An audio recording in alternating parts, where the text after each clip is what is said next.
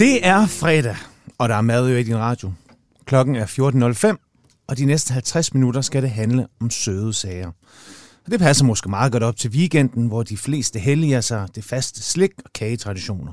I dag skal vi snakke kager, desserter, alle former for søde sager og lækkerier, som er svære for os at sige nej til. Vi tager den overordnede snak, men dykker også helt ned i kogebogen og byder på masser af tips og tricks, blandt andet på den perfekte treat til weekenden. Som altid er jeg flankeret af en gæst, som passer på emnet, og til at gøre os endnu klogere sidder her ved siden af mig redaktør på magasinet Lækkerier og uddannet konditor, Mika Wulf. Velkommen til mad. Tak. Tak fordi jeg må være med. Fornøjelse at have dig her. tak. Jeg har lige to spørgsmål, som vi lige kommer i gang på. Det er sådan en tradition her i mad, ikke? Ja, tak. Hvad er din absolut yndlingskage, Mika? Øh, Canelé de Bordeaux. Og hvad er det for folk, der ikke ved, Ja, hvad Canelé de øh, ja, Bordeaux er? ja, ja, Men det ja. lyder meget fransk. det er det også. Det er en kage fra Bordeaux, sjovt nok. Og det er sådan en øh, lille brun kage, som ikke rigtig ser ud af noget. Du sælger den godt.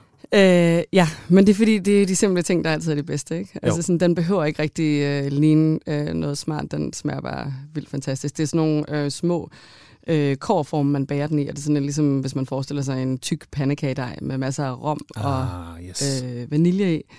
Og så bliver den ned i sådan nogle, ja, sådan, det ligner lidt en muffinform, men lidt, lidt højere og lidt flottere. Øh, som typisk er lavet kår, og man kan også få dem med silikone.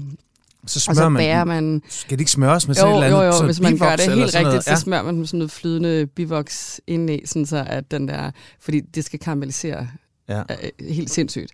Så, så, kan, altså, så skallen af kagen bliver sådan fuldstændig sådan mørkebrun i sådan et tykt karamelliseret lag, for der er jo sukker i den der pandekagedej. Mm. Men den er ret flydende, så inde i midten der er den sådan, skal den være sådan helt svampet og ja, moist, og så har den, bare, og så har den ikke rigtig andet smag end det der lækre vanilje og rom, som du har puttet i. Ikke? Og smager det bare vildt godt. Men ja. de, og de er vildt svære at bage. Der er sådan noget fem ingredienser i, men det der med at finde ud af præcis, hvordan man bager mm. dem i høj nok varme til, at de karamelliserer rigtigt, og man ikke bærer dem for lang tid, så de stadig er svampet indeni og alt sådan noget. Det, de, de er vildt svære at lave, og de smager vildt godt. Og jeg kan kun tilslutte mig de svære at bage, fordi udover at du er, eller du, du er redaktør på magasinet Lækkerier, og lige præcis den udgave af bladet, hvor I nørder ned i Canalé, den har jeg nemlig derhjemme. Fordi jeg netop selv vil prøve at lave det. Så for i jul, der ønskede jeg mig de her form, fik med min søster, gik i gang. Det der voks kunne jeg ikke skaffe der, men jeg tror, jeg bagte tre gange. Og det blev ikke godt. Altså, det er bare pisse svært. Hvad gik der galt med det?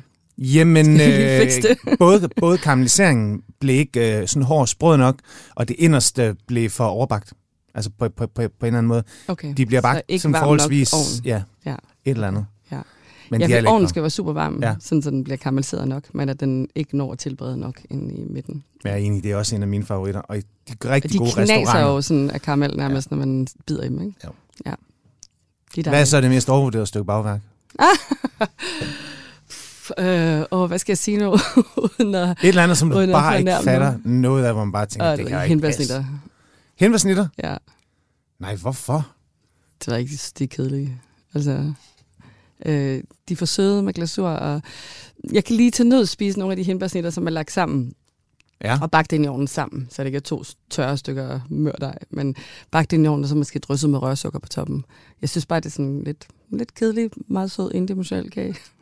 Så får du lige øh, hypet Paris og disse Danmark her. For, Jeg kan også godt, nej, jeg kan også komme i tanke om masser af franske kager og desserter, som jeg ikke øh, synes er så spændende, men det er ikke sikkert, folk kender dem. Det vender vi tilbage til. Ja. Ja. Vi skal høre meget, meget mere om din tid i Paris. Men skal vi ikke lige øh, starte med at finde ud af, hvem du overhovedet er? Jo, Du er uddannet konditor, du er redaktør på Lækkerier, og så har du forhåbentlig også et madøre, siden du sidder her. jeg elsker jo rigtig mad også. Ja. Det er vigtigt for mig at sige nogle gange. jeg kan godt lide kager og desserter, men selvfølgelig elsker jeg... Men hvor kommer du fra? Hvad er din baggrund? Jamen, øh, vi skal ikke helt tilbage i barndommen, vel? I, nej, Vi skal skal vi dertil, tilbage til sådan, da jeg hvor var du ligesom, hvor det 14 hele og starter. begyndte at arbejde op i bæren, op i den lokale øh, landsby, ikke? hvor jeg sådan sat væk ud af klokken 5 og gik ind og væk mine forældre, som var søde til at køre mig derop nogle gange, så jeg kunne komme op og sælge rundstykker. Det var nok der, jeg sådan... Det, var ikke, det, det kunne jeg bare godt lide. Det var min veninde, der, min venindes mormor, der ejede bæren, og der havde Ja. jeg bare sådan 3, 4, 5 gode år, hvor jeg solgte brød og kager, og nogle gange fik lov til at øh, være med ude i køkkenet, hvis der skulle laves bryllupskage og sådan noget. Øh, det var hyggeligt. jeg kan godt lide det der miljø, og jeg kan godt lide at komme ind i butikken og sige, hvad skulle det være? Og sådan, du ved, alle bliver glade, når de kommer op for mm. friskbagt brød og kage. Og, og hvad var det for en bager? Var det sådan en god gammeldags scene? Det var sådan en, sådan en som helt klassisk en, med medaljer og flødeskumskær og kanelkringler, og der var slet ikke noget med surdej overhovedet. Altså det fandtes ikke dengang. Nej. Det var 90'erne jo. Men øh, så der arbejdede jeg, og så glemte jeg jo alt om kager og så videre, og øh, boet i London i mange år og gået på universitetet derovre. Øh, og så har jeg arbejdet i reklamebranchen, og du ved, lavet øh, spændende kampagner, og gjort det egentlig sådan rimelig mange år. Øh, og bare sådan bagt en lille smule, men det var jo inden bagdysten, så det var jo sådan noget med, at man, man bagte en en pæretært fra Karolines køkken, mm. eller sådan noget. Jeg har slet ikke dyrket det på noget vildt niveau. Men bare altid synes, der var noget hyggeligt ved det. Jeg du ved, elskede at bage med min mor, da jeg var, var barn, og sådan... Øh, og så på et eller andet tidspunkt, så trængte jeg til lidt til en pause, fordi jeg havde meget sådan PowerPoint-agtigt arbejde, hvor det var, at du ved, jeg sad og arbejdede med kampagner og målgruppeanalyser og så videre, og det hele var meget... Øh, Corporate. Øh, ja, men det var også bare sådan meget øh, uhåndgribeligt, ikke? Mm. Men, men det hele var sådan på koncepter, og det hele var skrevet ned og så videre. Så en gang imellem kunne man se en kampagne, der kom ud af det, men, men øh, jeg trængte til en pause, og så flyttede jeg til Paris i, og skulle bo dernede i tre måneder. Det kom så egentlig, at jeg skulle til Paris og tænkte, ej, hvor kunne det være øh, fedt at tage sådan et øh, en-dags bagekursus. Ikke? Bare sådan lige bruge en dag et eller andet sted og lære at lave en eller anden fransk kage. Ja. Og jeg synes, det kunne være hyggeligt. Og så i min research på det, så faldt jeg bare over sådan et tre måneders kursus i stedet for. at tænke sådan, det går måske også godt. Og øh, tog ikke derned med noget arbejde eller noget. Jeg mm. skulle bare øh, have en pause fra skrivebordet og prøve at lave noget med mine hænder og sådan, mm. komme lidt ud af mit hoved. Sådan. Det var det, der var planen. Ikke? Øh, og så flyttede jeg ned, og så blev jeg bare sådan vildt grebet af det. Og jeg havde måske forestillet mig, at det skulle blive spændende at komme ned og pynte kager. Jeg tror, det var jeg tror, der har været en sæson af Bagdysten, eller også havde der været en sæson af Mette Blomsterberg på tv, og du ja. ved, sådan, pludselig har man lidt fået øjnene op for, at sådan, det kunne godt blive vildere og sjovere, det der bagværk, man lavede derhjemme. Så jeg havde måske tænkt, at jeg skulle ned og, og pynte kager og stå der med min sprøjtepose og tyller. Og, I, don't know. Det var sådan noget af det, jeg havde tænkt. Lidt romantisk. Og så gik der sådan en uge, og så fandt jeg ud af, at det der med at pynte kager, det synes jeg var sådan den kedelige del af det. Og det, der var spændende, det var det der med sådan jeg prøvede at lave vandbankelser for første gang, fordi det var sådan en grundsten i fransk konditorkunst. Og ja. så så de helt mærkelige ud, og lignede sådan nogle revnede hotdogbrød, og du ved, der var alt muligt galt. og så blev jeg ligesom bare sådan vildt optaget af det der med at forstå kemien i det, og sådan forstå, hvad det er, der gør, at min eklæres nu ligesom kan komme ud og se rigtig ud. Ikke? Så, så lidt til min egen sådan overraskelse, så, så, så viste jeg mig at være sådan en ret stor nørd, åbenbart, og synes, at jeg synes, det var spændende at finde ud af, hvordan alle de der ting opførte sig i køkkenet. Altså jeg får sådan nogle billeder nu, netop til den her Julia Julia ja. Meryl Streep i Paris, som det er så ikke konditor, men hun går også ligesom i også sådan en eller anden form for kokkeskole, ja. hvor hun lærer en masse ting. Øh, hvordan var sådan, altså, hvordan var sådan det er en jo den første dag på sådan en, en konditorskole i Paris? Det lyder, altså jeg har mange, mange billeder. Ja, Jamen, øh, det er jo den samme skole, jeg har gået på, men bare 80 år senere, eller sådan okay. noget den Og det er en kokkeskole, som har to linjer. De har en kokkelinje og en konditorlinje, eller en pastry chef, som det hedder ja. dernede. Øh, patisserie. Og øh, og ja, jeg, jeg, jeg skrev nogle artikler til politikken dernede fra, øh, hvor jeg sådan beskrev det som, som øh, sådan Hogwarts for konditor, fordi det var sådan den stemning, du ved, første dag. Ja. Man kom der og fuld af ærefrygt, og sådan, alle har set filmen. ja. og, øh, og man kommer der, og man får udleveret sin uniform. Og så brugte vi hele den første dag på at sådan få alle reglerne at vide, fordi det var i Frankrig, og Altså sådan, der var mange regler, og Øh, det var sådan noget, hvis din uniform ikke er strøget, så kommer du ikke ind til undervisningen, så får du fravær, så får du ikke, nogen, så får du ikke karakter den dag, så kommer du aldrig i top 5. Og, altså sådan, det var helt okay. den første dag, gik med sådan noget, få udleveret vores knivsæt, bare, altså alle sådan nogle praktiske ting. Så hvor mange var I på sådan et, et hold? Eller en klasse? Eller altså, hvordan? jeg tror, i sådan, vi var måske 60-70 eller sådan noget. Okay. Altså delt op i mindre grupper, ikke? Ja. Øh, og så ind i det stort auditorium, hvor vi havde chef, som selvfølgelig man skulle tiltale chef, som stod ligesom nede ved et sådan demonstrationskøkken, og så havde, og var der et stort auditorium. Og sådan gik alle dagene faktisk med, at man sad øh, i auditoriet i, i nystrøgen uniform og tog noter, så fik man udleveret en, øh, en, øh, en opskrift, og så skulle man ligesom selv skrive fremgangsmåden ned, i forhold til, at du ser chef øh, tilberede et eller andet. Ja. Og så skulle du efterfølgende op i et, et andet køkken, og så selv ligesom genskabe den tilberedning, hvad det nu end er, du laver. Ikke? Kan du huske, hvad det første var, I skulle Ja, det kan du tro, jeg med Det det. var jo øh, sablé. Så Og altså, hvad er det, er det? Jamen, det er sådan en slags shortbread, øh, hvad hedder det, småkagedej, altså en helt simpel, uden bagepulver eller æg eller noget som helst. Så det, det er sådan noget... Så han havde stået dernede, du, du, du, så blæ, blæ, blæ, blæ, blæ, og så... Ja, og så... Jeg ved du kan sige det og han har jo så måske lige vist nogle ekstra ting, så han har lavet sådan en, en rund sablé, og så har han også lige lavet sådan en skakternet sablé, og du ved, sådan, givet den gas og lavet nogle forskellige ting. Og så var det simpelthen op i køkkenet, og sådan bare fundet ud af, hvor alting er, og det der med, at, at i alle timerne, jeg endte jo med at gå dernede i ni måneder, og i alle de praktiske timer, man havde, der fik man jo karakterer i sådan noget alting. Både din kage, men også hvor, hvor ren og ryddelig din station var. Og, altså, jeg tror, der var fem ting, og man skulle rates på hver gang. Ikke? Så det Jo. var jo der var, det var aldrig noget med sådan lige at have en off-day. Eller du ved, jeg er sådan lidt konkurrencemindet, så Så hvordan blev din sablé? helst. Øh, det blev bare sådan ligesom de andre, sådan lidt med nogle huller i, fordi vi kunne ikke lige finde af at rulle dem rigtigt, og det var, det var ligesom, øh, det var det, men der fik jeg lidt sådan et chok, hvor jeg tænkte, okay, de mener det er virkelig alvorligt på den her skole, altså, Ja, okay. Du har tænkt, det er lidt mere sådan højskolestemning, nu tænker hygger mig vi sådan, lidt. nu, skal, og så, Ja, nu skal vi, og det bliver sjovt og spændende og underholdende for os, men de var meget sådan, altså, nogle af dem, jeg gik i skole med, altså, var jo yngre end mig, og det var jo, altså, det var deres uddannelse, deres rigtige uddannelse. De var kunne, gang kunne du tale fransk, da du kom der? Ej, jeg havde noget rusten gymnasiefransk, som jeg så sideløbende øh, fik frisket op på fransk Men det hele foregik på fransk også? Det foregår på fransk, men det blev oversat. Der står en tolk og oversætter til engelsk. Okay. Så det er jo også fransk undervisning, kan man sige. Så i Ja. løbet af- den tid, så, så lærte jeg nok sådan køkkenfransk i hvert fald, til at kunne overleve i praktik i, i, et rigtigt køkken bagefter. Så hvor langt skal vi hen, før du sådan virkelig tænker, okay, det her, det er fedt. Det her, det er jeg også god til. Det her, det er måske noget, jeg sådan skal. Kommer det sådan hurtigt i forhold Jamen, på altså, kurset, eller hvordan? Ja, allerede i dag to, der skal vi lave madeleines, og det er jo sådan en kage, som alle kender, de der små muslingeformede De er kager, og de skal være lighter than air, og du ved, de er jo gode til at ligesom, konceptualisere deres kager i Frankrig. Altså, det er jo ikke bare sådan en sandkage, det er jo en sandkage, Ja, men det er jo sådan den mest poetiske sandkage, man overhovedet kan forestille sig, ikke? fordi så er Proust skrevet om den, og den er muslingeformet, og der, ja. øh, du ved, alles øh, bedstemor har lige den rigtige version, og så skal der honning i, og så skal der ikke honning i, og så skal der alt muligt det er også en helt speciel form. Nu snakker vi Ja. om kanaler der. Det er også sådan en... Skal man også Ja, den skal bages i ja. en muslingskal. Ja. Eller ikke en rigtig muslingskal længere, vel, men en, en, sådan en, en bagform, der er muslingeform. Okay, Ja. fortæl om Madeleine. Ja. Nej, men så kommer vi ind i køkkenet, og igen, så er det... nu sker der lidt mere, fordi der er bagepulver, der er æg og sådan nogle ting i. Ja. Øh, så er det jo rigtig vildt, ikke? så, så vi kommer ind, og så er vi måske 16 mennesker op i den der øh, Mm. undervisning. Og, øh, og så får jeg sådan en lille chok, da jeg så ser, at der kommer 16 fuldstændig forskellige kager ud af ovnen. Hvor jeg sådan, hvordan kan det passe, at vi alle sammen har stået med de samme fem ingredienser? Og sådan, vi, der er ingen af os, der har nogle redskaber. Vi står alle sammen og rører det i hånden, og alligevel så ser det fuldstændig vidt forskelligt ja. ud. Og så er der selvfølgelig så er der en, der glemmer at putte sukker i og få et kæmpe skæld ud på fransk. Og hvad er det for nogle scones, du har bagt her? Og du ved, sådan, de går helt, Nej, nej, helt nej. bananer. Så, øh, men, men, men også dem, der ikke har lavet fejl, de, de ser bare meget forskellige ud. Og så er det ligesom, det går op for mig, og jeg tænker, wow, okay, det er sindssygt det her fag. Altså det er, sådan, det er virkelig teknisk. Ja.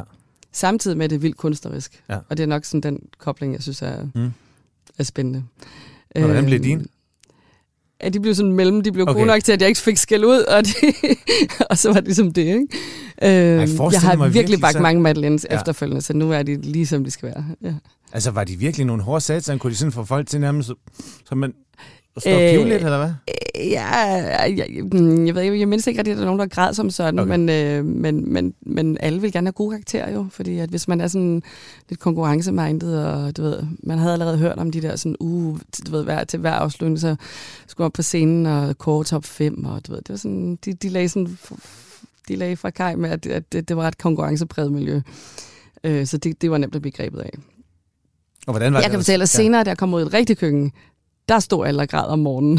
Fordi vi troede jo, at det var sådan hårdt og skrabt på skolen, men det var det jo slet ikke i forhold til sådan Okay, det skal vi også lige have med. Det Så- skal vi snakke om. Så, så du, du, er på, du er på skolen i ni, må, eller ni Ja, måneder, siger det starter med så, at jeg tager det første modul Okay. af den her konditoruddannelse, som var i tre måneder, Ja. øh, og ender op på scenen og tænker, mm, okay, det er god til, og det er skide sjovt det her, så jeg tror lige, at jeg prøver at se, om jeg ikke kan blive her. Og så fik jeg så øh, lov til at fortsætte på uddannelsen for at tage den helt færdig. Men på de ni måneder, der er I mere med, der er I igennem det hele, eller hvad? Ja, vi starter med den der småkage dej Ja. med tre Og ingredienser. ender. Og ender med i tredje modul på, at vi har to eksamener, hvor den ene er en, en chokoladeskulptur, øh, vi skal bygge, og den nummer to er en, en sukkerskulptur, altså sådan en klassisk, øh, ja. en hvor man står varme og sukker og hiver og trækker eller bygger en eller anden fuldstændig ubrugelig skulptur, som ingen skal spise, men du ved, det ser flot ud. Så det er sådan. Hvad med den sådan, her klassiske, man tit ser i Masterchef med de her... Øh... Krogambush? Krogambush, ja. Ja, Ja, dem når vi igennem. Den når vi til sådan cirka halvvejs, okay. tror jeg. Så og hvordan gik din krokambush? Den gik faktisk virkelig godt. Okay. Ja, det, der var jeg ligesom sådan, der var jeg allerede on track. Jeg synes, jeg havde fået styr på de der øh, vandbakkelser, og ligesom vidste, hvordan det skulle næle. Så det gik godt, men vi begyndte selvfølgelig i fri hånd dernede. Ingen stativer. Det var ligesom... Selvfølgelig. Ja. Selvfølgelig, selvfølgelig. Ja. men så, øh, så er du færdig på skolen, og hvad sker der så? Jamen, øh, så sker der det. Øh, så er vi stadig i Paris. Ja, ja. Jeg bliver færdig i skolen, og har været en flink elev og gjort det godt, øh, og fået en guldmedalje, og ligesom sådan fået den der adgangsbillet til den rigtig gode øh, praktikplads. Så jeg øh, bliver okay. stagiaire hos Pierre Hermé, som på det tidspunkt var sådan, du ved, kongen af pastry. Og hvorfor var han det? Det var inden For folk, Cedric Grolet var opfundet. og, jeg, og jeg kender heller ikke sådan... Altså, du ved ikke, hvem Pierre Jeg har hørt stedet... Med, altså, ja. jeg har aldrig været i Paris. Nej. Og det er en kæmpe stor fejl og en meget, meget grum indrømmelse. Det kommer. Jeg har en liste i hvert fald med steder, hvor okay. der, du kan gå hen og spise kage, når du kommer derned. Øh, jamen, Pierre med, han er ligesom sådan øh, kendt som The Picasso of Pastry. Simpelthen okay. intet mindre. Jeg ved ikke, om det er ham selv, der har givet ham det navn. Der. Altså, han er sådan ret han er sådan lige del konditor og marketinggeni. Ikke? Så øh, han har nogle forskellige butikker og er bare et sådan household name i Frankrig. Altså, ja. Altså i Frankrig ved man godt, hvem de, dyg, de, de dygtigste konditorer er, ligesom man også kender de dygtigste kokke, ligesom ja. vi, vi ved her. Ikke? Så er det Danmarks øhm, La Glas for at lave sådan en, måske en Ja, og det er jo stedet og historien og så ja. videre, man kender, ikke? Men okay. øh, der er en stor tradition, der er en helt anderledes øh, måde at tænke kage på i Frankrig. Altså, det er jo meget normalt, at man, når man skal besøge nogen, så går man ned et sted og køber en kage og så med. Altså, det er ikke nødvendigvis finere, at man selv har bagt den. Det er måske faktisk mere sådan prisværdigt, at den kommer i en flot æske fra et eller andet øh, godt okay. konditeri. Så, øhm, så der er også der er mere gang i kagebutikkerne, tror jeg. Ja, der er ikke samme svung i sådan en kanelsang fra lavkagehuset, vel, når man kommer Nej, Nej, og det er jo ikke sådan, de har jo heller ikke det der, som vi nogle gange har, hvor at man ikke nødvendigvis skal blive mæt af en kage. Altså, vi, meget, vi, vi spiser meget sådan nogle kager, man bliver mæt af. Ja. Altså, kæmpe kanelsnore og kæmpe kringler, og man føler sig lidt snydt, hvis der er, man ikke har fået et måltid, når man har fået en kage. Ja. Og sådan behøver det jo ikke at være mm. dernede. Ja, nå, men så jeg, øh, jeg får en af de der meget eftertragtede øh, pladser hos Pierre med, og har skyndt mig, skyndt mig, skyndt mig med mit fransk kursus på siden, fordi at øh, de holder endnu mere på formerne i det der Pierre med køkken, end de gjorde på skolen, som jeg ellers troede var sådan, du ja. ved, kæft retning. Øh, så der er det simpelthen bare øh, kun tilladt at tale fransk. Man må ikke tale engelsk, selvom alle, der arbejder, der taler flydende engelsk, men det er bare forbudt. Øh, så jeg skal ligesom kunne overleve på det der franske, og har været nede til sådan en, øh, en lille samtale nede, og sådan, for at de skulle tjekke, om de kunne kommunikere med mig. Og, og det gik fint, og, øh, og jeg fik min guldmedalje og kom derned, og så fik jeg bare sådan et kæmpe chok, altså fordi det var virkelig old school fransk militærstil ja. i det der køkken. Og det er sådan noget med, hvis du tror, at du... Altså alle de der stagiaires, vi var jo en, en, en stor håndfuld af folk, der har fået den ære at få lov til at arbejde gratis der ja. i noget tid. Ikke? Og vi var jo altså ikke nederst på rangstigen, men sådan under stigen, eller sådan, du ved, jorden, ja. som stigen står på i forhold til sådan den måde. Det var meget hierarkisk. Og øh, jeg tror, jeg havde sådan en, en sund distance til det undervejs, og tænkte, okay, det er en spændende oplevelse det her, og jeg skal også skrive noget til politikken om det, og kunne ligesom sådan overleve. Men, men, men det var helt altså, sikkert, at hver dag, når vi stod klædt om sådan der kvart i seks om morgenen, at, at der stod mange og græd, altså sådan, og sådan havde sådan et form for breakdown, hvor de skulle stå og overveje, om de nu, altså sådan, på grund af, at gå ind. Det var bare sådan... På grund af pres, eller ja, arbejdsmiljø, pres, eller altså, konkurrence? Eller, ja eller, sådan arbejdsmiljøet, det var bare sådan, det var bare hårdt, altså det var bare, Øh, det var bare stilen, åbenbart. Det var jo ikke helt den Kan du huske stil, et jeg forstår. på en, der bare fucking flipper? Jamen, sådan på min, jamen, det er jo ikke, fordi du er flipper, men du, bare, du, du, du får aldrig rigtig noget at vide. Øh, du, du, får, du får ikke noget at vide, der er godt. Altså, den første dag, jeg stod der, og, og, og jeg havde stået i ni måneder og været rigtig dygtig til at bage, og haft tre timer til at frembringe en eller anden, øh, øh du ved, krok bush eller et eller andet, og synes, at at jeg var bare rigtig dygtig, og så kom jeg derned, og så får man jo et chok, fordi så er det den virkelige verden, og så, så er det en produktion. Og så skal vi lave 200 muskager på en gang. Og du ved, og, og jeg kommer gående med min, øh, det var først efter noget tid, at jeg Mm. fik lov at overhovedet at komme ind i produktionen, men man kommer gående med, med der kommer en gående sådan før mig, på sådan, der er en lang række af kager, og der kommer en gående før, som hælder en mus på, og jeg har som en paletkniv, og skal lige sådan, du ved, skrabe overfladen helt flad, og så lige bag ved mig, så kommer der så en med det næste lag. Jeg føler bare, at der er sådan en tsunami i, i ryggen ja. på mig. Så hvis jeg ligesom ødelægger noget, så, ligesom, så stopper hele det der flow, ja. og der var sådan et stort pres, og der er ikke nogen, der siger til dig sådan, ej, prøv at høre, sådan, er du okay? Og du skal bare sige, hvis det går for stærkt, eller sådan noget. Altså, det findes jo ikke. Så du ved, det, det, man er bare sådan under pres. Og jeg tror, på min første dag, der skulle jeg samle sådan nogle små, du ved, Pierre Hermé har en meget berømt macaron, som er sådan en, øh, øh, en lyserød macaron, som er lagt sammen med hindbær rundt i kanten, og så er der noget creme ind i med lyché og rose. Og isfæren hedder den. Og dem sælger de rigtig, rigtig mange af hver dag, så man står øh, hver morgen og ligesom øh, har den her runde macaron, og så skal man placere hindbær rundt i kanten helt perfekt, altså så de lige Mm. står, som de skal, og de skal være lige store og sådan noget. Og jeg står der lige så fint, og så kommer der en, der bare ryster på hovedet, og sådan, altså sådan, hvad har du gang i? Altså sådan, så tempoet op. og jeg tænker, okay, vildt nok, okay, nå, så det går hurtigt, og så kommer han forbi to, to minutter senere, og så siger han bare, vous avez deux mains. Som, Som- betyder... De har to hænder, fordi de er jo høflige, så det er vous. Og han er bare sådan, hvorfor står du og gør det kun med højre hånd, når du kan gøre det dobbelt så hurtigt med begge hænder? Og det var sådan en forventning. Så, øh, så var jeg sådan, okay. så, så, så ja. Ja. Og jeg tror faktisk, jeg kom hjem efter sådan over halvvejs i forløbet en anden dag og sagde, ej, det er bare gået mega godt i dag. Jeg har bare fået altså, super meget ros. Og, og så spurgte min mand sådan, hvad, hvad, hvad var rosen så? Eller sådan, fortæl.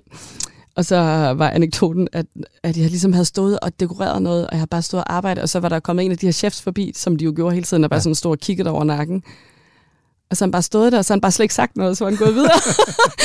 så var jeg bare sådan lidt, det var den bedste dag nogensinde, Ej. fordi, fordi de bare slet ikke havde fundet noget, de kunne skille mig ud over. Ikke? Så det, ja, det var sådan, giver det lidt en følelse af, hvordan Ja. uh, viben Jeg var. har nogle indre billeder der på det Ja. der... Øh... Ja. Men jeg tænker, når alt så var træls, og der ikke var ros og anerkendelse nok, så kunne man vel bare stræde ud i Paris' gader og nyde det.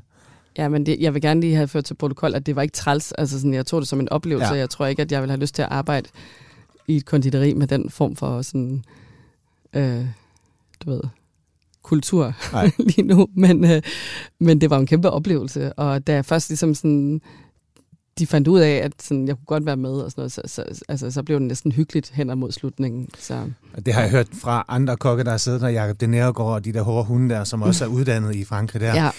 De træder ind i noget, som, som man ikke forstår, som man ikke kan se mening med, som man ikke kender til. Og så tilpasser man sig alligevel, lærer det hele, arbejder sig op og bliver dygtig osv., og så får man trods alt en eller anden plads i hierarkiet, ikke? Ja. Og nogle nik, og var Ja. der sådan til sidst for dig, at der, Ja, ja. der var du en del Ja. af... Ja. Ja, ja, man kæmper lige for det. Men Jacob og jeg har mange øh, lange samtaler om vores respektive Ja. ja. Paris-liv. Men øh, ja, altså sådan, de er jo vant til, fordi at, at det fungerer sådan, at der hele tiden kommer en ny håndfuld af, af Ja. øh, mere eller mindre duelige mennesker, der skal arbejde gratis. Og, og så, så bliver de måske lidt træt af det, og hvis de så ligesom finder ud af, at man kan godt øh, du ved, hjælpe med noget, så, så går det meget bedre. Men du kom ud på den anden side. var Ja, jeg kom ud der. på den anden side. Det var sådan lidt en befrielsesdag, da, Ja. da jeg var færdig. Men, øh, men så boede man jo i Paris, Ja. som du siger, og kunne, øh, kunne opleve alt muligt, og kunne, kunne gå rundt bare på gaden og se på dejlige ting, og man kunne spise dejlig mad. Og... Men var du så uddannet konditor der? Da jeg så var færdig på skolen, så var jeg uddannet konditor. Der er to retninger i Frankrig. Ja. Enten kan du gå i lærer, eller så kan du gå skolevejen. Så jeg har sådan et diplom eller certifikat derhjemme, hvor Mm. står, at jeg, øh, jeg har licens til, at jeg må åbne et øh, konditori i Frankrig, hvis jeg vil det. Ja. Det vil jeg så ikke. Det ville du ikke. Det var meget rart at have. Så tog du hjem og startede et... Øh... Ja, så tog jeg hjem og havde lige sådan en lille overvejelse over, hvad der skulle ske. Ja. Øhm, og, øh, og så startede det her bagemedie. Ja. Øh, fordi jeg synes, der manglede sådan et, et sted, som kun interesserede sig for det. Der var masser af bageopskrifter alle vejen, ikke? Men, øh, Og hvornår, hvornår er vi tilbage? Hvornår udkommer lækkerier for ja, første gang? er vi ikke i 15 eller sådan noget, tror jeg, vi udkommer. Mm. Ja, første gang. Og hvad var øh, ideen og drømmen med det? Jamen, jeg tror, ideen var at skabe et øh, medie, som kun handlede om bagning. Altså at samle det på en platform, i stedet for at have det spredt rundt hos alle mulige, du ved, i forskellige magasiner, aviser, blogger. Det er jo ikke fordi, at det er ikke blevet afskaffet i, i Dameblad eller hos øh, forskellige sådan, øh, influencer, men, men, men øh, jeg synes, det var sjovt at lave et medie, som ligesom nørdede det, og øh, som lavede noget slow content, som jeg plejer at kalde det, på det her område. Var du træt af at bage der? Det virker sådan lidt... Der var corporate Mika fra London, der gang i karrieren, så falder hun ned, så, laver, så oplever hun Paris og bliver uddannet konditor, og så skal vi hjem og have gang i Gantt-diagram igen og udvikle på et magasin, eller hvad? Så drømte du ikke om at åbne en lille kagebæks ind i København? Øh, jo, jeg var, meget, jeg, havde, jeg var ved at åbne en lille macaronbutik i København. Ja. Meget lille, bitte, bitte, bitte en. Øh, indtil jeg fik sådan en klarsyn og fandt ud af, at det ikke lige var det, det tidspunkt i mit liv, jeg skulle Hvorfor? have en butik på. Øh, det var, jeg, jeg, jeg tror, jeg tænkte øh, små børn og butiksåbningstider og produktion og så videre. Det, det tænkte jeg ikke lige, det var, det var der, det skulle ske. Så er det nemmere at starte et uh, magasin op Ja, og meget skaffe annoncører at, at, at, at starte printmedie. Ja, det tænker jeg også. Jamen, det var ikke. Det var jo sådan lystdrevet. Jeg har også arbejdet, øh, jeg har arbejdet i Politikens Hus i nogle år, og sådan haft øh, en eller anden fornemmelse af, at jeg nok skulle have været journalist i stedet for um, reklamemand, som jeg blev. Ikke? Så, øh, øh, så det var sådan en god måde at kombinere sådan mit tidligere liv og det her på. Og så, og så blev jeg faktisk øh, super grebet af at formidle stoffet, da jeg havde skrevet de der artikler til politikken om mm. øh, mit slideslæb i Paris, og fandt ud af, at, at nu havde jeg ligesom fået de der åbenbaringer med, hvordan at, øh, de der Madeleines blev helt perfekte, og det synes jeg var spændende at skrive om. Øhm, så derfor så havde jeg bare lyst til at, så, at skabe den her platform, magasin. Og hvordan gør man det, sådan i bund og grund? Starte et magasin. Ja. Jamen, det var ikke helt anbefalet som sådan, men... øh, Jeg tænker også, det var men, øh, et vanvittigt projekt, som, Ja. som det går med printmedier. Ja, men vi startede Eller- Eller. faktisk som en app, øhm, fordi jeg havde en partner, som øh, sådan, gerne ville den vej, og mm. det gav god mening, fordi det var sådan en, en lidt nemmere måde at komme i gang på, altså for lige at sådan, mm, øve sig selv i at lave magasiner, og finde ud af, om der var nogen, der havde lyst til at, at læse med. Og da det så var udkommet med tre magasiner, så lavede det om til et printmagasin. Mm. Så man kan sige, jeg havde lavet sådan en lille opvarmning, ikke? fordi ellers så tror jeg, det var, det var svært bare at starte fra nulpunktet, og så lave noget, der skulle udkomme på print. Øh. Men, Og hvor meget Paris var der med i de første blade? Jeg tænker, der må være en del at trække på der i forhold til...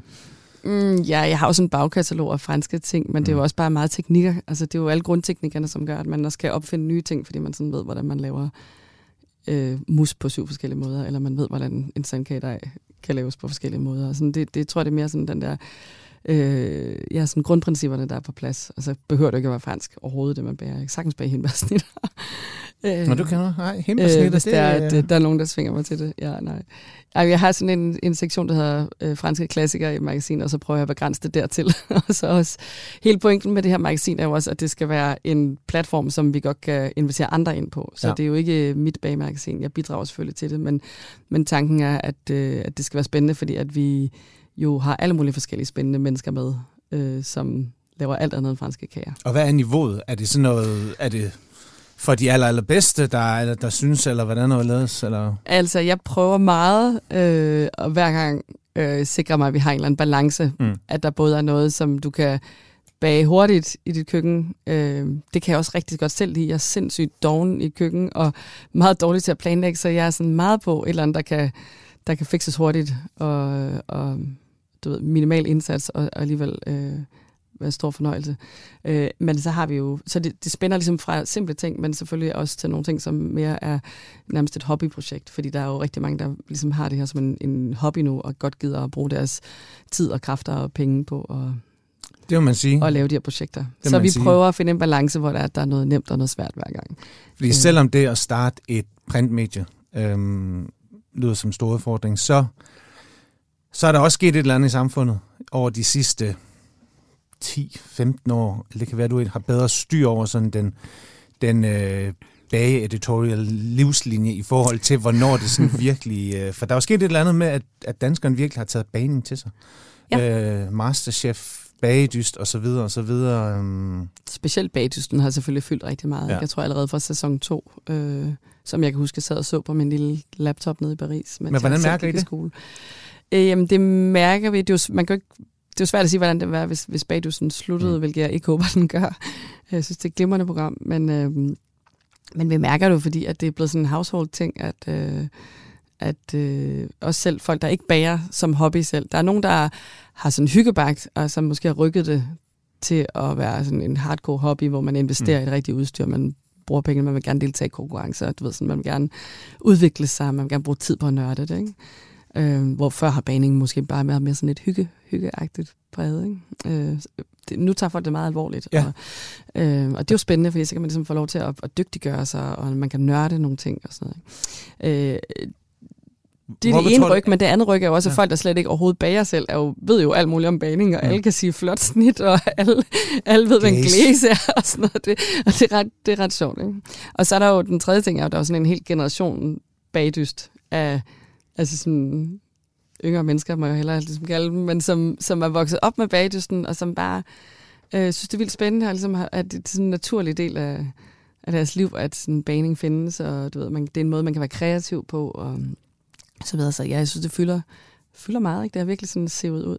Det fylder meget i sådan, derhjemme hos folk. Det er ikke, fordi vi har oplevet, at der er åbnet 50 nye konditorier i København. Og tværtimod, der lukker jo faktisk Ja. to bager lige i gennemsnit om ugen nu her. Samtidig med, at vi har en, en gammel og stor bagetradition. Det har aldrig været mere populært at bage. Der har aldrig været mere fokus på det. Og alligevel så går det den forkerte vej i forhold til håndværksbærerne, de professionelle. Er det fordi, vi selv er blevet professionelle? At vi ikke har brug for de professionelle? Mm, mm, både og. Altså, jeg, jeg tror, at det, der måske også er ved at ske, det er måske en udskiftning, for der åbner også mange bagerier. Men den klassiske håndværksbager, som har helt sortimentet hver eneste dag, Mm er måske sådan klar til at blive udskiftet af et nyt koncept, hvor man kun har fem forskellige surdejsbrød, eller hvad ved jeg. Altså sådan, der var noget med også bare udbrud efterspørgsel, og hvad er det, folk synes er spændende lige nu. Øhm, Altså, jeg har jo tit harceleret mod det. Altså, jeg elsker et godt surdejsbrød. Men Mika, du har selv stået i en bager. Jeg er jo femte generations bager. Min øhm, far, bedstefar, oldefar, helt tilbage. Den der... Det er dig, der faktisk har ødelagt den Ja, linje, jamen, det er, det er ikke engang løgn. Jeg øh, ødelagde det. Men også Ja. ja. så vokset op med, at min far altid sagde, du skal ikke være bager. Der er nemmere måde at tjene sine penge på. Det er for Ja, hårdt. tak. Og, Okay. han, og han havde ligesom set lyset. Noget også at komme ud af det og sælge og så videre og så videre. Men fornemmelsen af at gå ind i sådan et dansk bageri, når håndværkerne kommer ud, den der duft af rundstykker, Duften af ristet knitrer. birkes. Ja, ja. altså, hvornår kommer den der øh, rundstykke renaissance? Altså på det helt klassiske danske rundstykke. Det ved jeg ikke. Nej. Den er langt væk lige nu. Tror du det? Jeg, sige. jeg kan ikke dømme den ude for evigt, men altså sådan, ja, jeg tror, at tiden er lidt forbi det der helt luftige brød, der ikke rigtig smager noget. I hvert fald lige nu. Men altså ligesom alt andet, så kommer det nok Ej, tilbage. Du hater, du hater på Du rundstykket lige nu. Nej, nej, men du ved, sådan, du ved 90'erne kommer til, alt kommer tilbage. Det er bare et Ja. spørgsmål om, om flow og vent Ja. længe nok. Ikke? Men altså lige nu, der ser den ikke sådan lige lure øh, lige om hjørnet. Men der er jo, inden for kageverdenen er der jo altid en eller anden form for nostalgi og resistance, og folk synes, det er hyggeligt med en medalje, fordi du ved, der er jo Mm. vildt mange minder og følelser, måske endnu mere i det søde køkken, end der er i det salte køkken. Altså, jeg havde på et tidspunkt en, en lang tradition for at spørge folk øh, til magasinet, hvad, hvad deres yndlingsdessert er, og hvad det ligesom siger om dem, Ja. for at lære dem at kende på den måde. Og der er altid et eller andet link til barndommen. Ligesom når Proust skriver om Madeleines, at han tager en kop af den linde til og spiser den Madeleines, og så han sådan teleporteret tilbage til sin barndom, hvor du ved, han kan mærke sommerbrisen, og du ved, mormor, altså Hvad er din det er så følsomt øh, med desserter. Så det er også derfor, du ja. elsker øh, håndværkere. Det er fordi, du er vokset op ja. i det, og det er duften, og det er alle de der ting. Og ikke så meget rundstykket, tror jeg. Jo, Undskyld, ja. jeg kan ikke huske, hvordan jeg kom herhen. Hvad spurgte du om? Du sagde du selv, hvad er din yndlingsdessert Min yndlingsdessert? Har du mm, eller? Tænk, Ja, vi har det samme. Jamen, det har vi ikke. Tror du ikke det? Nej. Okay. Ej, fordi min, ny, min yndlingsdessert, det det er altså, det, jeg har tillært mig i, i Paris. Okay. Ja, det er Rivoli. Okay. Det er ikke din, vel? Eller hvad? Rubensteiner. Rubensteiner Okay. kage. Det er jo en kage, jo. Ja, jo, men sådan lidt dessert. Altså, hos os fik den faktisk som en, som en Er dessert. det rigtigt? Jamen, der er også mange... Øh, ja. Jamen, det er noget andet, hvis jeg skal begynde at skælde ud på danskernes... Undskyld, nu slår jeg det skal du. på danskernes madvaner, hvor det er sådan lidt... Ej, jeg skal lige høre, Jeg hvad har jo spurgt er folk, hvad din yndlingsdessert, og så siger de, altså kanelsnegl var sådan, det er desværre ikke en dessert, det er faktisk en kage. og det er fint nok, du spiser kage, det er dessert, men det er, sådan, det er jo for voldsomt. Altså, der er man jo mæt. Jeg synes, desserten er så fin. Jeg synes, det er sådan en fin lille... Øh, det behøver ikke være en stor dessert, det er bare sådan en måde at afslutte et måltid på, Ja. på en rigtig god måde. Så det er sådan, det der med at sidde og spise en stor... Øh, øh, et stort skive, du ved, æblekage eller sådan noget, det synes jeg, det er sådan voldsomt. Men, men der er vel også Okay. nogle kager, der ligger sådan lige men der er jo masser af dessertkager selvfølgelig, ja. hvis jeg skal Ja. Og, og flødeskumskagerne er jo klart i den kategori, så jeg kan godt, jeg kan godt se linket til Rubensteiner-kagen. Prøv lige at komme med den der Nå, franske riolet. Ja, hvad hedder den? Rig, altså, Rig? Som er ris lait, ligesom café lait. Ah, okay. Ja, det er ris med mælk, ikke? Men jeg kan godt lide simple ting, så det er også en dessert med sådan noget tre eller fire Er, ingredienser. er den nem? Øh, ja, det er den, men man kan godt også gøre den besværlig. Okay, prøv lige at komme med Men den det er ligesom, nemme, forestil fordi dig, at det faktisk er en sød risengrød med vanilje, du koger. Du kan også lave den uden vanilje, ikke? Her i mad har vi en tradition for at bryde det helt ned. Så, Vi har komfur her foran. Du tager 100 Den går fra 1 til 9. grødris. Break it down. Det er i princippet en risengrød, eller en risotto, som du koger med sød ris og med øh, mælk, hvis det skal være helt skrællet ind til. Så grødris og mælk. Sukker, vanilje. Mm-hmm. Eller vanilje, men det, det skal man altså ikke spare på. Når, altså, så er der ikke noget tilbage i den her dessert. Den er simpelt nok i forvejen. så det, der så er igen øh, udfordringen, det er, at den skal have den der helt perfekte konsistens, hvor det, er, det ikke er risklister, der gør, at den hænger sammen. Ligesom sådan en risengrød, du ved, der er blevet kold, ja, hvor du bare ja. sådan tager den op med en ske, og så sådan slask, Ja. siger den sådan eller andet. Så, den, så det, du gerne vil, det er, at du vil gerne tilberede risene, uden at de klister, og så vil du gerne have, at faktisk, at de ligger i sådan en lind øh, form for mælke øh, yeah. creme, kan man ja. sige. Så mælken skal ligesom koges så meget ind, at den bliver cremet.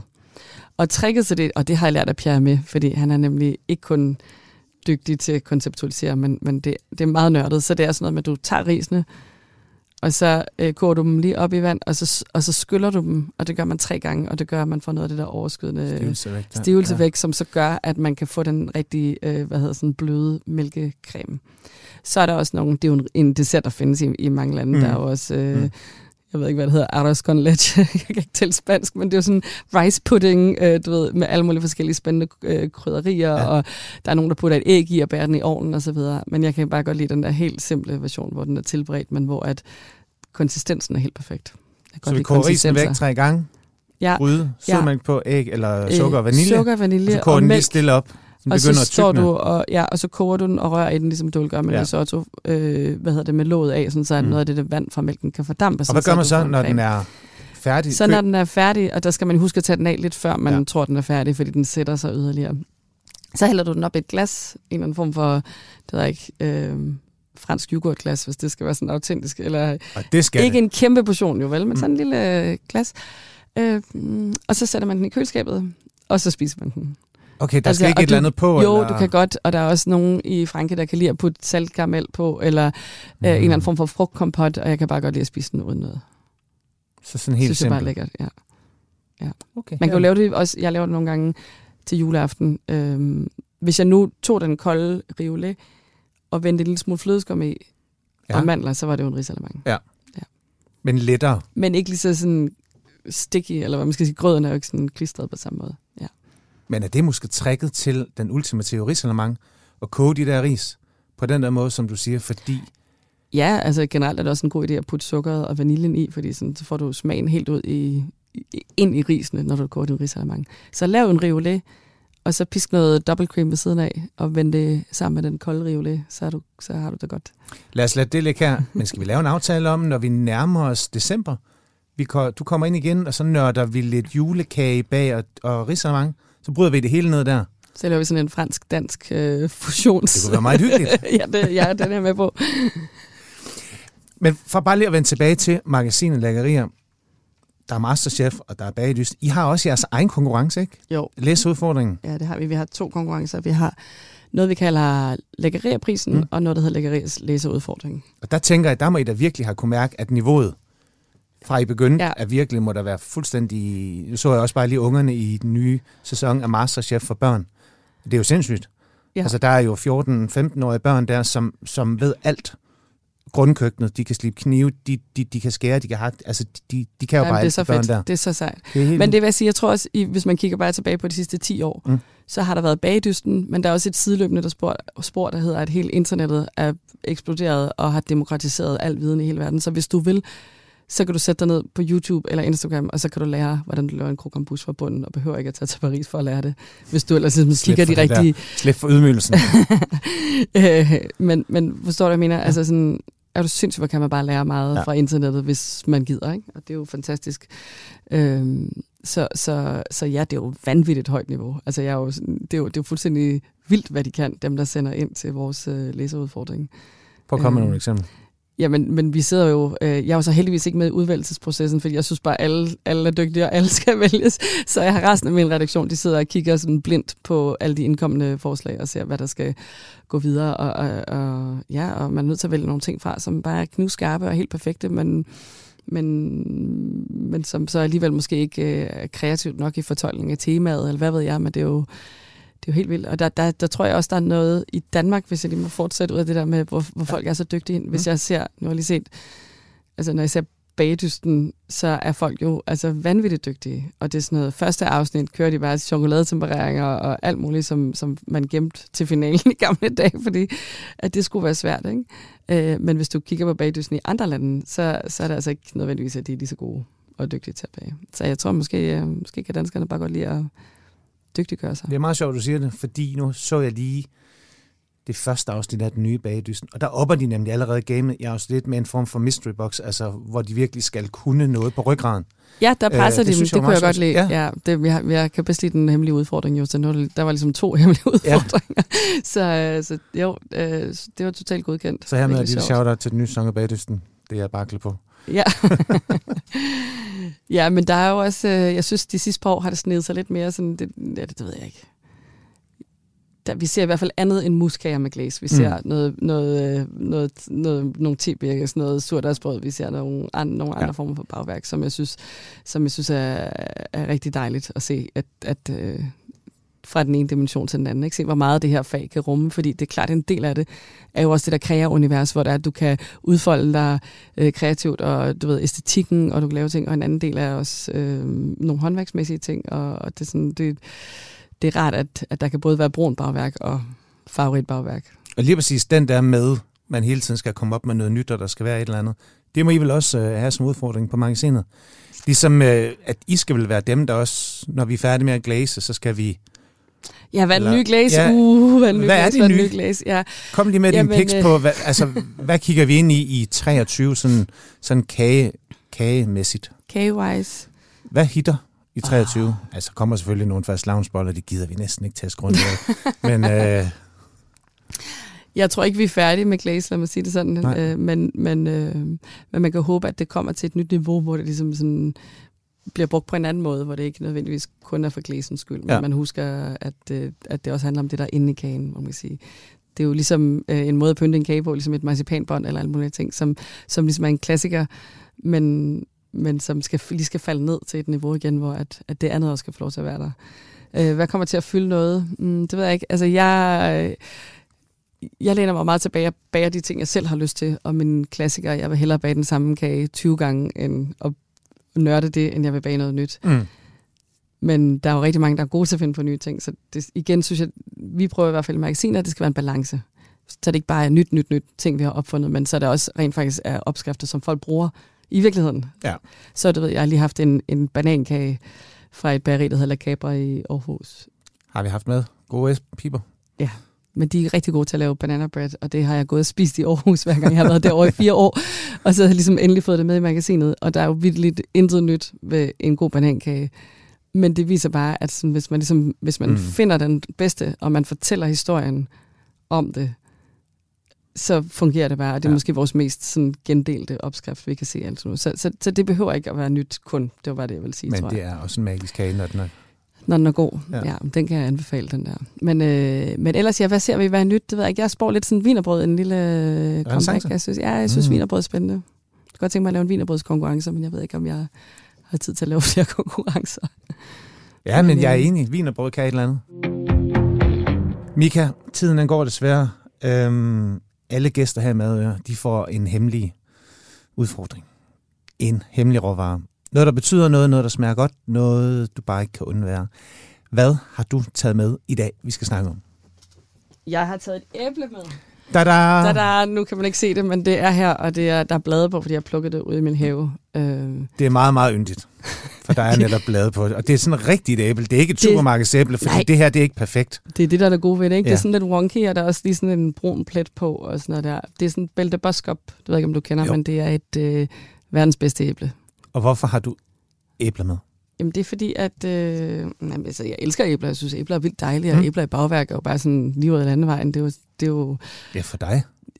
Jamen, det er jo bare, der var så mange måder, man kan bruge det på. Ja. Men jeg tror, at grunden til, at jeg har det med, det er, fordi jeg har det sådan en lille øh, sådan en lille kæphest om, at sådan, vi mangler lidt noget sæson i det søde køkken. Altså, mm. det er jo dejligt med jordbær og hindbær og alt det der, og det synes jeg, man virkelig skal fyre den af, når der er sæson. Men jeg kan godt blive lidt trist, når jeg ser jordbærkager nede i bæren i sådan, øh, december måned, hvor jeg sådan, ah, men kunne vi ikke spise noget andet der?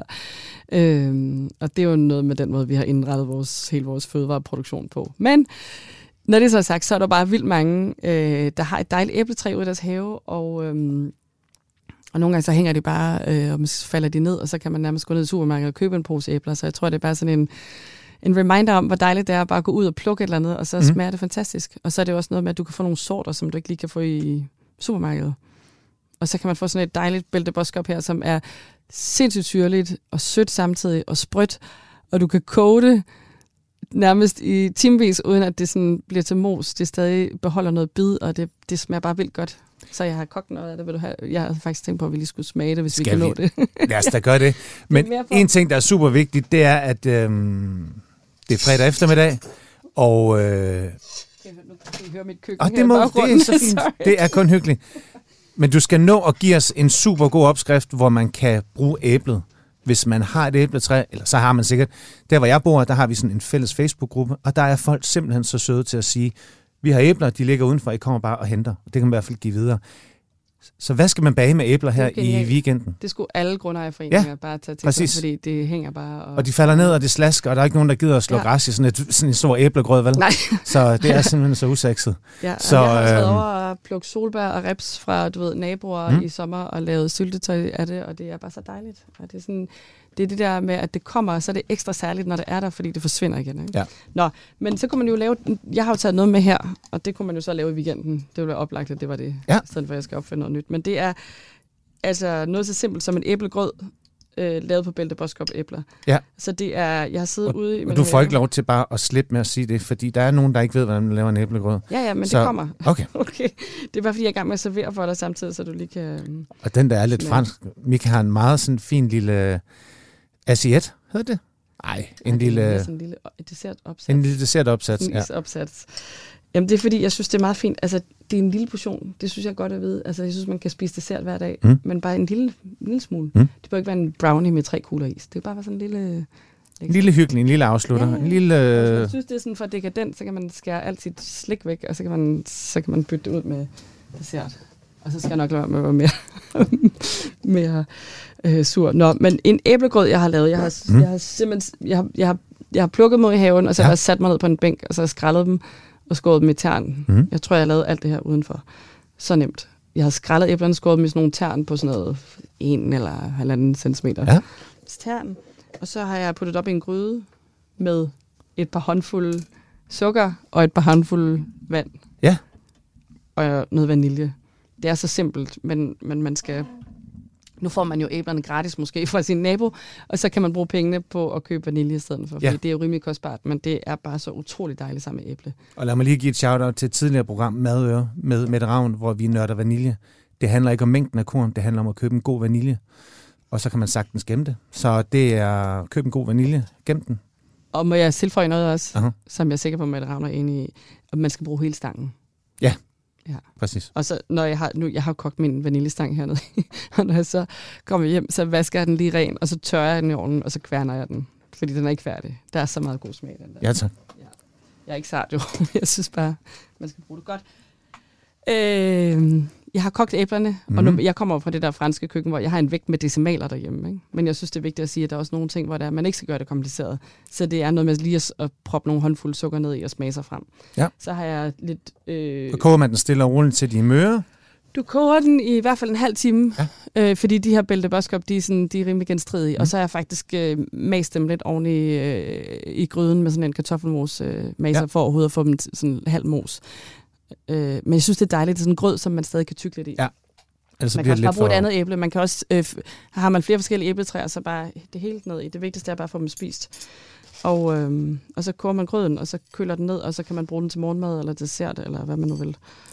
Og så har jeg en lille smule flødeskum, som jeg har pisket med fraise, fordi jeg elsker fraise. Mm. Og så der kommer en lille crumble på her. Og så har jeg sådan nogle ristede havregryn ovenpå med Se sukker og smør. Nu her, så er det. Det er bare for at vise, hvor simpelt det kan være. Ikke? Og prøv her, hvor er det på en eller anden måde smukt, fordi Du startede med at disse Danmark og himbasnitten, og alligevel så vender vi tilbage til et dansk æbletræ og sådan en smuk lille dessert. Nej, det var der. dig, der sagde det. Der. Det var kun hindbærsnitten, jeg dissede. Men det her, det er simpelthen bare... Og øh, vi kan sige noget i 8 sekunder, for nu smager jeg på det her. Okay, jeg kan være sådan en kommentator. Jeg ser nu Mikkel, han tager skeen op til munden, og han smager, og ser udenbart glad ud. Mm. Virkelig god crumble. Havregryn, der er også noget... øh, Hvad er det, der siger? Er det bare havregryn? Smør, smør, smør, smør. Ja, ja, men ja, men smør. Jeg var lige ved at tage en pakke smør med, da du sagde, at jeg skulle tage mm. et råvarer med, men øh, mm. smør er ligesom, er jo vigtigt for alt, men, men nu synes jeg, det var sjovt at snakke om Hvor er jeg sæson. enig. Og hvor er det fuldstændig fantastisk. Og hvor har du ret? Det her med at bruge det, der er i sæson, også i det søde køkken. Om det er pies, apple pie eller alt muligt. Der er masser af gode opskrifter at hente derude. Det her er i hvert fald dit take på en æblegrød med crumble. Flødeskum, og hvor smager det godt. Og Mika, tusind tak, fordi du vil komme. Tiden er gået. Selv tak, det var en fornøjelse. Dejligt at nørde ned i det, og vi kan sagtens lave en date igen omkring øh, bagværk i december. Kage og det hele. Har du lyst til at komme igen? Det har jeg selvfølgelig. Fantastisk. Det her det er Madøre. Det er hver fredag kl. 14.05 på Radio 4. Jeg hedder Mikkel Nielsen. Tusind tak for i dag.